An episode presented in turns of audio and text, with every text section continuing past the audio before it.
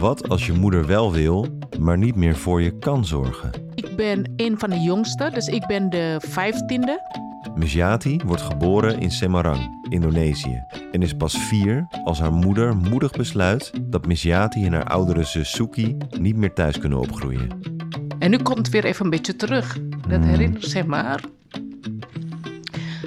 En dat ook, denk ik, een beetje stukken puzzel.